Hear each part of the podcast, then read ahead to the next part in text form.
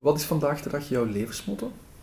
Proberen de mensen te begrijpen, dan begrijp je jezelf.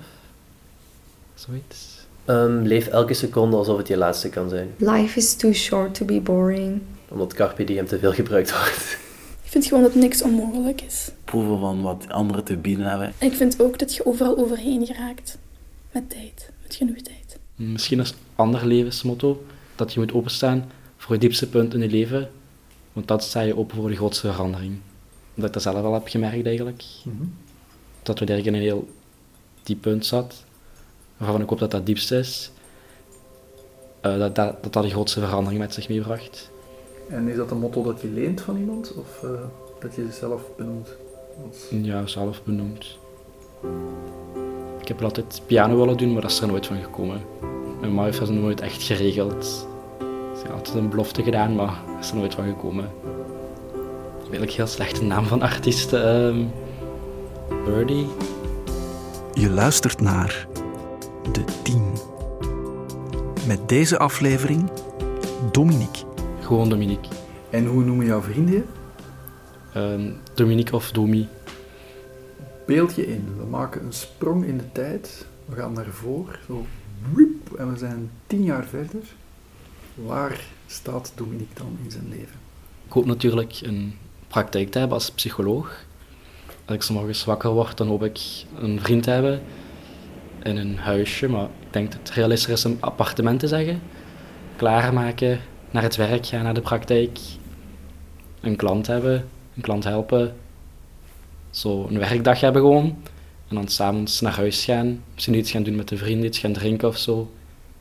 En dan gaan slapen, wachten op de volgende dag. Maar het belangrijkste voor mij is eigenlijk dat ik dan inzie van, ik heb het kunnen doen, ik heb mijn doel kunnen bereiken om psycholoog te worden.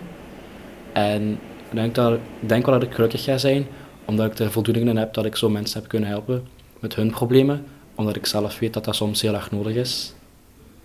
Momenteel woont mijn zus bij ons, zij is 22. En ik heb ook een broertje, hij is 6 jaar. En om de week bij zijn papa en dan bij ons. Met onze mama erbij natuurlijk. En mijn vader is niet. Heb jij voorbeelden in je leven? Hmm. Misschien mijn zus, omdat ze toch al even, bijna evenveel als mij heeft meegemaakt. En aangezien ze nu al werk heeft, een auto, um, ze staat al ver in het leven. En dan denk ik zo van, ook al heb je zoveel dingen meegemaakt, je kunt toch nog zo ver als haar geraken. Dus een beetje zij wel. Nog mensen?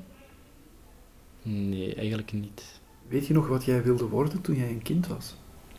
Um, vroeger waren dat zo die dingen als kok of leerkracht. Mijn mama, die was ook kok of kokin.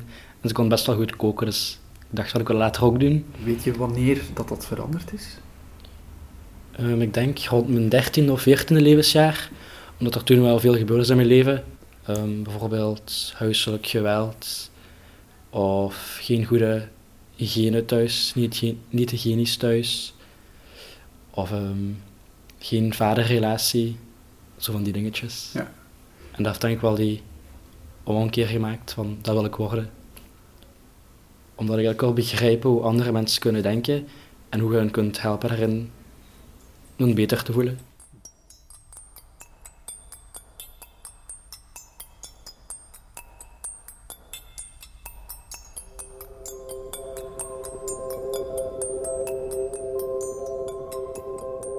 Heb jij jouw mama ooit ontgoocheld? Toen ik uit de kast kwam, toen was ik 15 of 16.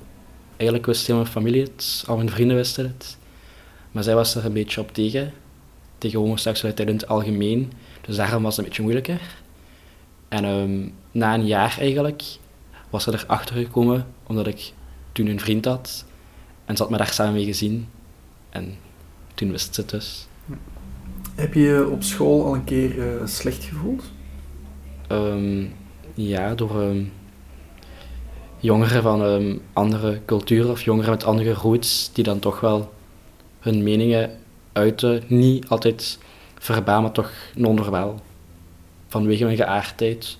Bijvoorbeeld uh, boze blikken of zo in andere taal scheldwoorden zeggen, die voor mij nu al duidelijk zijn, maar daardoor.